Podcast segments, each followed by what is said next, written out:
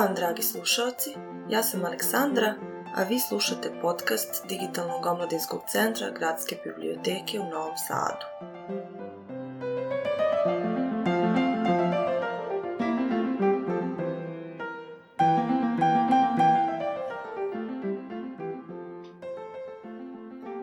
Danas ćemo govoriti o pčelama, tačnije o simboličnom i metaforičnom značenju koje pčela ima u tradicionalnoj kulturi – narodnoj književnosti i naravno umetničkoj književnosti kroz nekoliko slikovitih primjera. Posebnu pažnju ćemo posvetiti romanu Tajni život pčela Sue Kid. Za početak, želila bih da vas podsjetim da se projekat Novi Sad biodiverzitetski grad približava kraju. Ovom prilikom vas pozivam i na završni događaj koji će se održati 26. septembra i tada će biti dodeljene nagrade pobednicima konkursa Moje parče prirode. Za više informacija pratite nas na Facebook stranici projekta Novi Sad Biodiversity, a obaveštenja će takođe biti istaknuta na zvaničnoj Facebook stranici Gradske biblioteke u Novom Sadu, na web sajtu biblioteke i Instagram profilu Digitalnog omladinskog centra. Za sve informacije takođe možete da nam se obratite putem telefona 456 226 ili e-maila gbns.doc.gmail.com.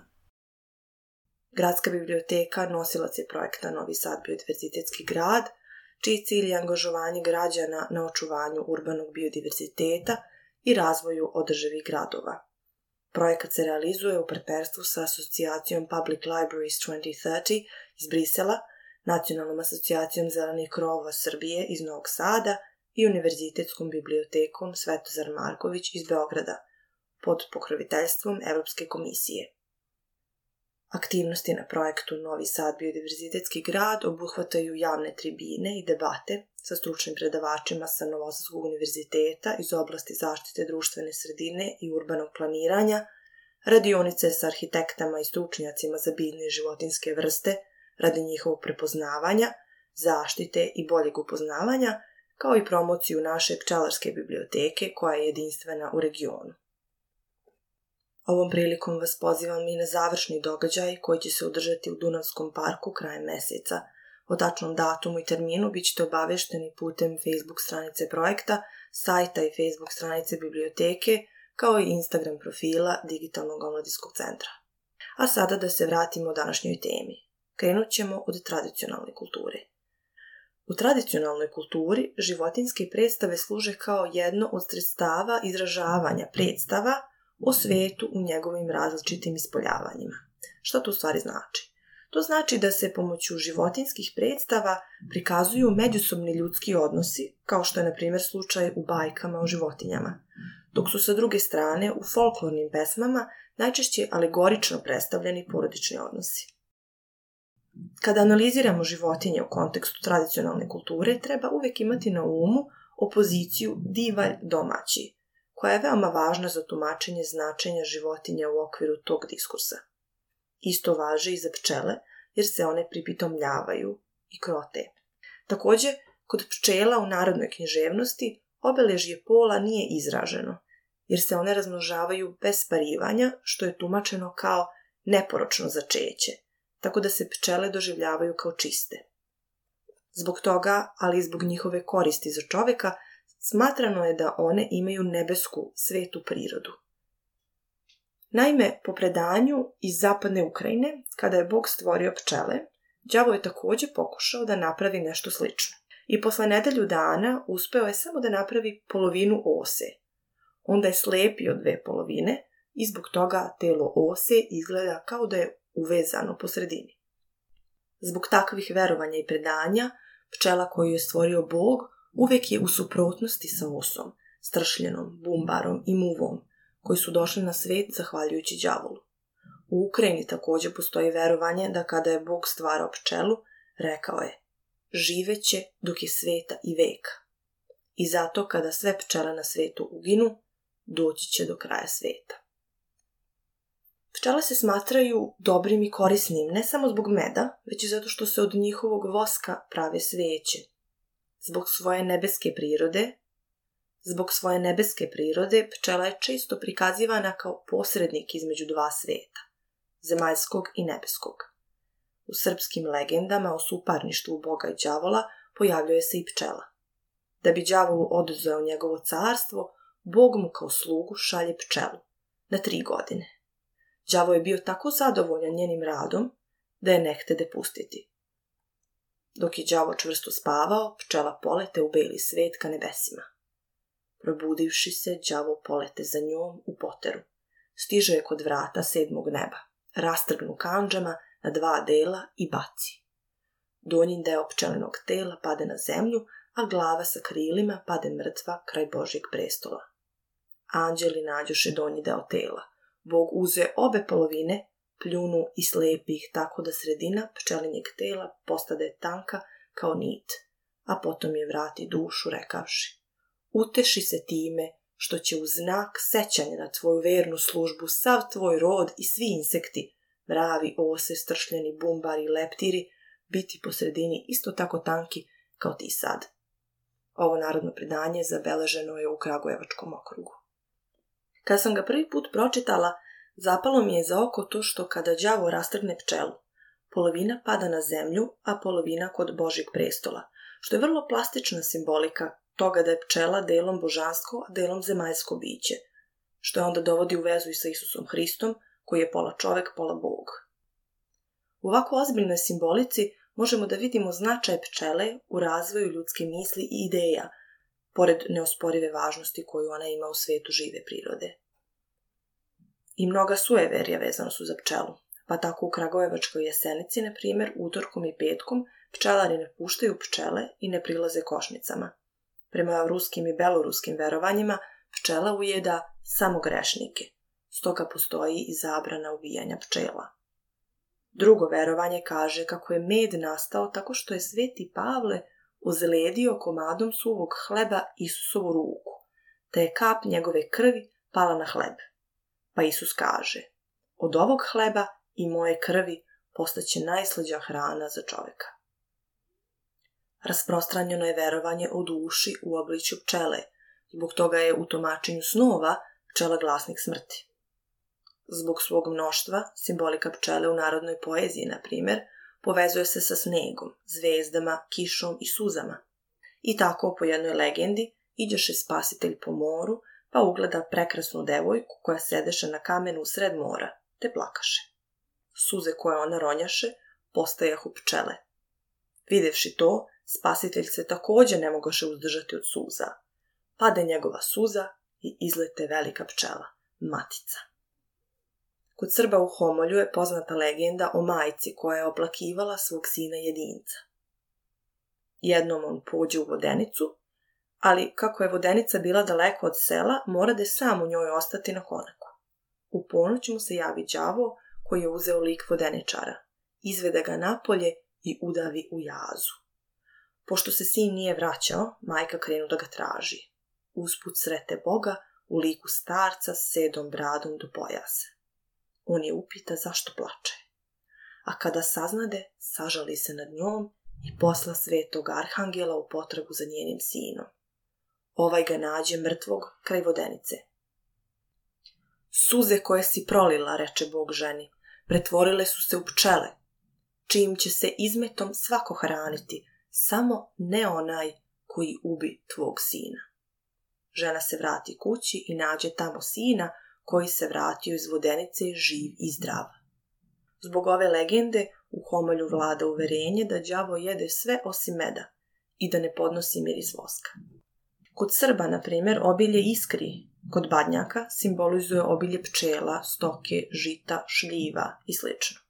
Pčelinja simbolika takođe je u vezi sa bračnim predstavama i u nekim slučajevima služi za iskazivanje ideje plodnosti pa se time vezuje za ženski princip, dok stršljen i bumbar predstavljaju muški princip. Bračna erotska simbolika i simbolika plodnosti svojstvena je pčelama. Pčelinji ujed je tako simbol ljubavnog čina u narodnim pesmama, pa se za trudnu devojku kaže da ju je pčela ujela.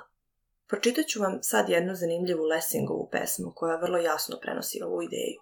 Pesma se zove Pčela i ljubav kad se ono u zlatno doba Amor zaljubljen u pastirske igre, poljem zaigra preko cveća, najmanjeg boga žalkom bocnu pčelka, što u čaški spavaše ružinoj, posudi meda inače.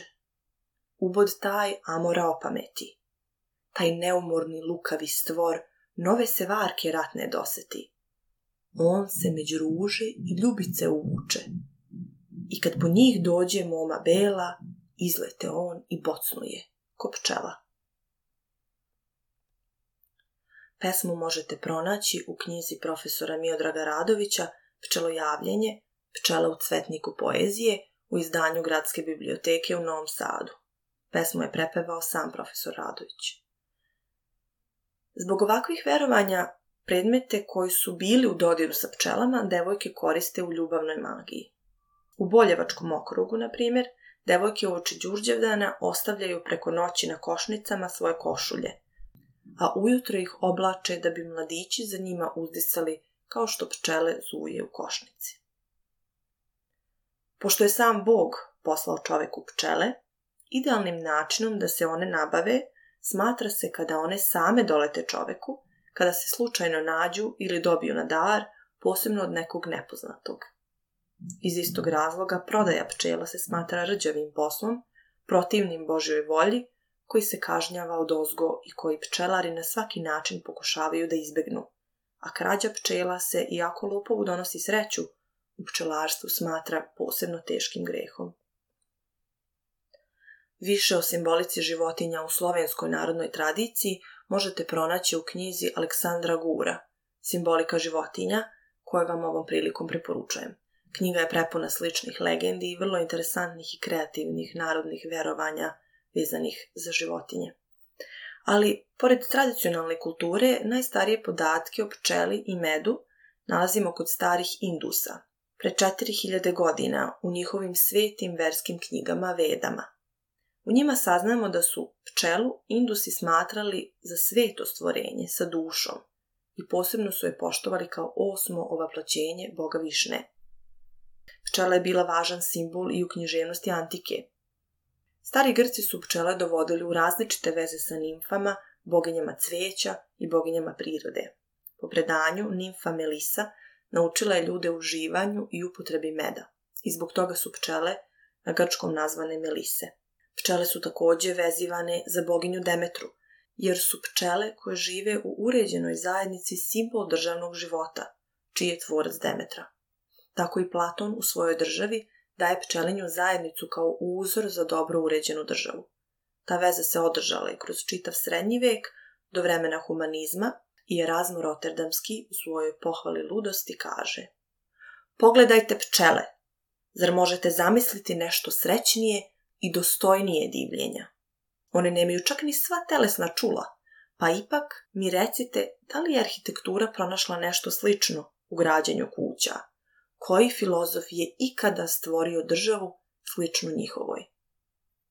Pored ove, još jedna simbolika pčele nastala je u antičkoj književnosti i zadržao se do danas. Pročitat ću vam nekoliko stihova Kvinta Horacija Flaka, da vidite u čemu je reč. Sledeći načine i običaje pčele Sledeći načine i običaje pčele sa brda matinskih – koja neumorno srče slatke glandole. Ja hodam stenovitom šumom i obalama Tibra, bogatog vodom. I sav predan pesmi, ma kako majušan, stvaram je sa trudom. Kao što smo videli u ovim stihovima, pesnik se poistovećuje sa pčelom. I kako je rekao Seneka, pisati treba, naravno, kao što pčele skupljaju med, ne čuvajući cveće, nego ga pretvaraju u saće. To jest, tako da od mnogoga i različitoga postane jedno i da to bude nešto novo i bolje. Dakle, savršenstvo pčelenjeg rada i proizvoda nadahnjuje umetnike i postaje idealni uzor pesniku. Sam umetnički stvaralački proces povezuje se sa pčelenjim postupkom sakupljanja nektara koji prerađuju i pretvaraju u med. Isto tako, pčele koje se roje u mnoštvu predstavljaju misli ili reči. U znakovima pored puta Andrić kaže Ničim se toliko ne bavim kao rečima, a ni o čemu ređe i manje ne razmišljam. Uvek sam kod njih, okružen njima kao pčelar pčelama. Ali nesvesno osjećam da je dan gubno i da bi mi bilo štetno da često mislim o njima.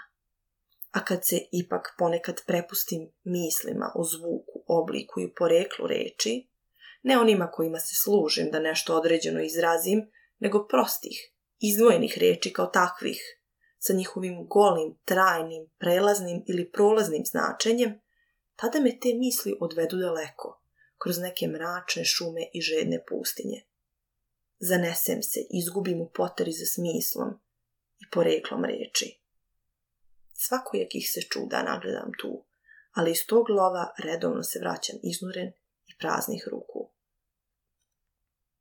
Osnovnu misao jednog dela Andrić poredi sa pčelinjom maticom. Glavna snaga i stvarni koren svake pripovetke, svake pojedine scene u njoj, nalazi se u jednoj dobroj misli, jednoj vernoj slici. Ona je u tom sklopu rečenica ono što je matica u roju pčela. Kada ona iskrsne pred vama, treba sve ostaviti i za njom poći. U njoj je seme, kvasac i sve ostalo jer nije vrijednost te hitno i nečitko zapisane rečenice u njoj samoj, nego onom izobilju i onoj lakoći sa kojom se posle za njom i pred njom roje misli i slike, nevidljivo vezane sa njom. U Gogoljevoj zbirci pripovedaka Večeri u seocetu kraj Dikanjke narator je pčelar Rudi Panjko, na čijem poselima i igrankama se skupljaju najzanimljivije ličnosti iz sela – i čije priče pčelar zapisao i objavio. Rudi Panjko je pseudonim samog Gogolja, njegov alter ego, koji se pojavljuje samo u predgovoru i on uvodi novog pripovedača, Đakona Fomu Grigorijevića, koji dalje prepričava priču svoga dede. Na taj način dolazi do usložnjavanja postupka pripovedanja, jer se sam pripovedni događaj nekoliko puta udaljava od čitaoca, što onda dovodi u pitanje autentičnost i istinitost pripovesti. Ovakav vid pripovedanja pruža mogućnost autoru da se dodatno distancira od teksta, ali isto tako ističe se i neodoljiva potreba čoveka za prenošenje priče koja se neguje od davnina do danas, što je Andrić posebno istakao u svom govoru o priči i pričanju. Ali hajde da se vratimo na današnju temu. Zbog čega je Gogoljev alter ego Rudi Panjko baš pčelar? Već smo povukli paralelu između pčele i pisca. Pčela radilica izvlači ono najbolje iz cveća i pretvara ga u ukusan med. Isto tako treba pisac da iz svog okruženja, znanja i iskustva crpi inspiraciju i pretvara je u umetnost. I tu vidimo vezu između meda i umetničkog dela. A sada ćemo konačno da pređemo na jedan savremeniji primjer u književnosti, kojem je pčela jedan od osnovnih motiva. U pitanju je Bildungsroman Tajni život pčela Sumon Kid. Priča počinje kada junakinja Lili, koja je i naratorka u romanu i kroz čije oči posmatramo sve događaje i percipiramo njeno okruženje, dakle, kada Lili pronađe pčele u svojoj sobi. Kako i sam naslov romana sugeriše, pčele i sve vezano za pčelu jesu centralni motivi i važni simboli u romanu. Oni funkcionišu u određenoj meri kao vodiči kroz priču i kao svojevrsni, da tako kažemo, putokazi, kako za čitavaca, tako i za samu junakinju. Lili zatvara pčele u teglu, kao svako radoznalo dete koje želi da ispita prirodu oko sebe koju ne poznaje. Međutim, ovaj postupak dobija na važnosti u trenutku kada otkrijemo više o privatnom životu junakinje. Lili živi sa grubim i bezosećajnim ocem koji je za najmanji prestup fizički kažnjava, a Lilina majka je poginula. U trenutku kada je otac povredi i Lili se oseti zarobljeno u životu koji vodi, ona oslobađa pčele iz tegle. Ali pčele ne odlaze. U tom trenutku otkrivamo da postoji nekakva dublja veza između Lili i pčela.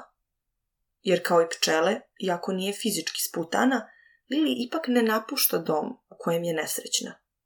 Pčele okružuju kao da se osjećaju i sleću na geografsku mapu na zidu liline sobe i u tom postupku naslučujemo buduće događaje. U trenutku kada Lili odlučuje da ode, i pčele odlaze. Jedna od važnih tema u romanu jeste rasizam, kao i bitni istorijski događaji koji su se u to vreme odigrali u Americi. Fikcija i istorijska stvarnost su vrlo vešto isprepleteni, pri čemu se ističe komplementarnost ove dve discipline. Istorija nam nudi činjenice, međutim, književnost nam nudi mogućnost da se povežemo, da proživimo i doživimo te činjenice, tako što će ih oživeti kroz fikciju. Na taj način tretirani su događaje iz 64. poput akta o pravu glasanja za afroamerikance, koje je onda u praksi bilo teško sprovesti, što onda posebno dovodi do izražaja međurasnu netrpeljivost, nepravdu i nasilje. Važna tema u romanu je takođe spiritualnost, koja se sastoji najviše od elemenata magijskog i ritualnog, a manifestuje se kroz niz slučajnosti koje su vođene instinktom.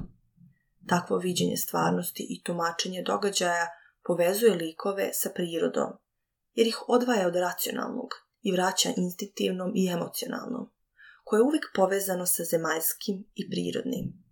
Time se ponovo vraćamo pčelama. Sve ono što smo već rekli o značenju pčele kroz tradicionalnu kulturu i ljudsku istoriju možemo primeniti ovde. Ono što Lili nedostaje je njena majka. I pčele figuriraju kao prirodna i fizička manifestacija njenog duhovnog vodiča. Simbolično prateći pčele, Lili dolazi kod sestara Botrajt, koja se bave pčelarstvom i počinje da uči zanat od njih. Pčelinja zajednica je svakako direktna paralela sa životom sestara Botrajt – jer su simbol snage i jedinstvenosti ženske zajednice. Pored toga, Ogasta predstavlja pčelu maticu. Što više uči, Lilina veza sa pčelama raste, kao i njena veza i privrženost sestrama Botrajt, gde će Lili na kraju pronaći ljubav i podršku za kojom u suštini traga. Naravno, moramo imati na umu da je Tajni život pčela jedan bildungsroman, tako da kroz svaku avanturu i nedaću kroz koju prolazi glavna junakinja – ona i uči i otkriva nešto novo o sebi, o svetu u kojem živi i na taj način raste i razvija se. A svaka prepreka koju prevazilazi jeste u stvari još jedna pređena etapa tokom inicijacije. U tom procesu Lili gubi detinju naivnost i nevinost, bori se protiv internalizovanog rasizma i postaje žena. Lilina inicijacija u svet odraslih završava se simbolično, ubodom pčele.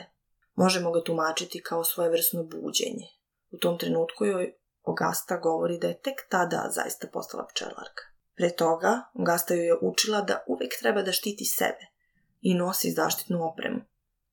Iako pčele nikad ne ujedaju namerno ili iz zlobe. Iz tog razloga ovaj ubod je naravučenije i upozorenje da se loše stvari u životu prosto događaju i da ih je nekad nemoguće izbeći koliko god se trudili. A sa druge strane, Ovaj događaj je i predskazanje konačnih tragičnih događaja sa kojima će se suočiti. Interesantna je činjenica i da Lili mašta da postane spisateljica, što je onda i dodatno povezuje sa pčelama. Kroz sve one veze između pčele, meda, pisca i stvaralaštva, o čemu smo govorili ranije. Na kraju možemo zaključiti da je u motivu pčele sublimirana čitava priroda. Pronašavši vezu sa pčelama, Lili pronalazi vezu sa prirodom izvan i unutar nje same. Povezavši se sa prirodom, pronalazi i spiritualnost koja joj je nedostajala.